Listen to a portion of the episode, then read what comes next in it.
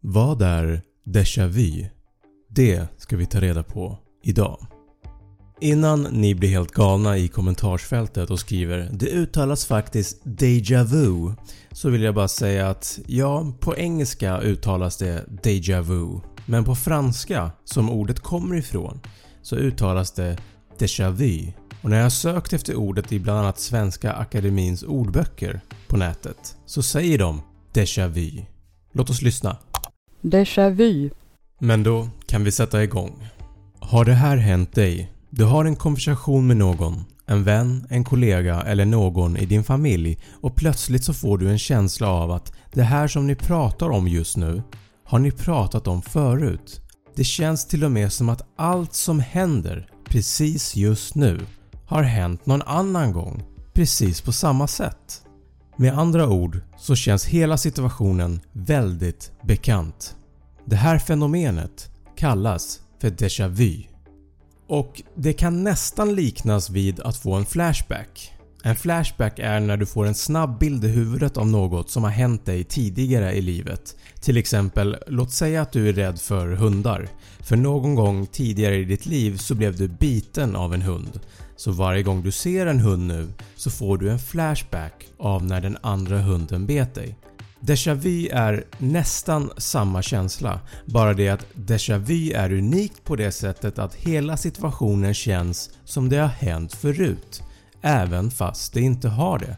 Du kan till exempel få en déjà vu känsla när du är på semester i ett annat land som du vet att du aldrig har varit i. Men trots det så känns det ändå som du har varit där förut. Déjà vu är nästan samma känsla, bara det att déjà vu är unikt på det sättet att hela situationen känns som det har hänt förut, även fast det inte har det. Du kan till exempel få en déjà vu känsla när du är på sem... Vänta, har jag redan pratat om det här förut? Det kan kännas lite obehagligt ibland att få en déjà vu känsla för det blir som att man har en falsk och ogreppbar känsla av det som händer. Och Det som pågår inne i hjärnan under en déjà vu kallas för en metakognitiv process. Det handlar alltså om att i stunden så blir man medveten om en del av sina egna tankar och i den stunden när någonting känns väldigt bekant så försöker hjärnan att söka aktivt efter informationen. Det blir som en pausknapp där hjärnan säger “Vänta, varför känner vi igen det här? När händer det här oss? Varför kan jag inte hitta någon information om det här?” Det är nästan samma känsla som när man har någonting på tungan. Du vet när man kan svaret på en fråga men just i stunden så får du inte fram ordet även fast du vet att du vet svaret. Eller när man går in i ett rum och plötsligt så glömmer du bort varför du gick in dit. Vad skulle jag göra här inne? och så börjar din hjärna att försöka lösa problemet och söka efter information.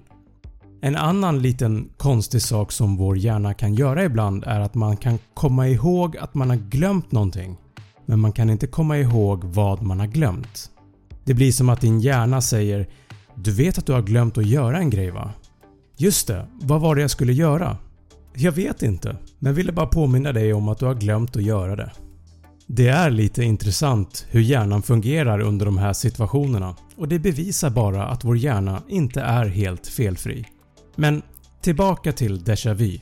Om vi går tillbaka i historien så hittar man en beskrivning på déjà vu första gången år 1876 av den franska filosofen Emile Boirac som döpte känslan till déjà vu vilket är franska för “redan sett” eller “tidigare sett”.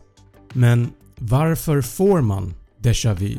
Det har forskats en hel del på ämnet och därför finns det många olika teorier.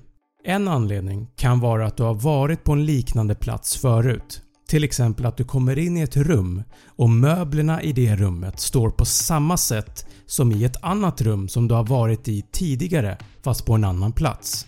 Det kan också bero på att din hjärna kopplar ihop händelser eller konversationer som du har sett på film med verkliga livet och då skapas en igenkänning om att du har varit med om det här förut även fast du såg det på film.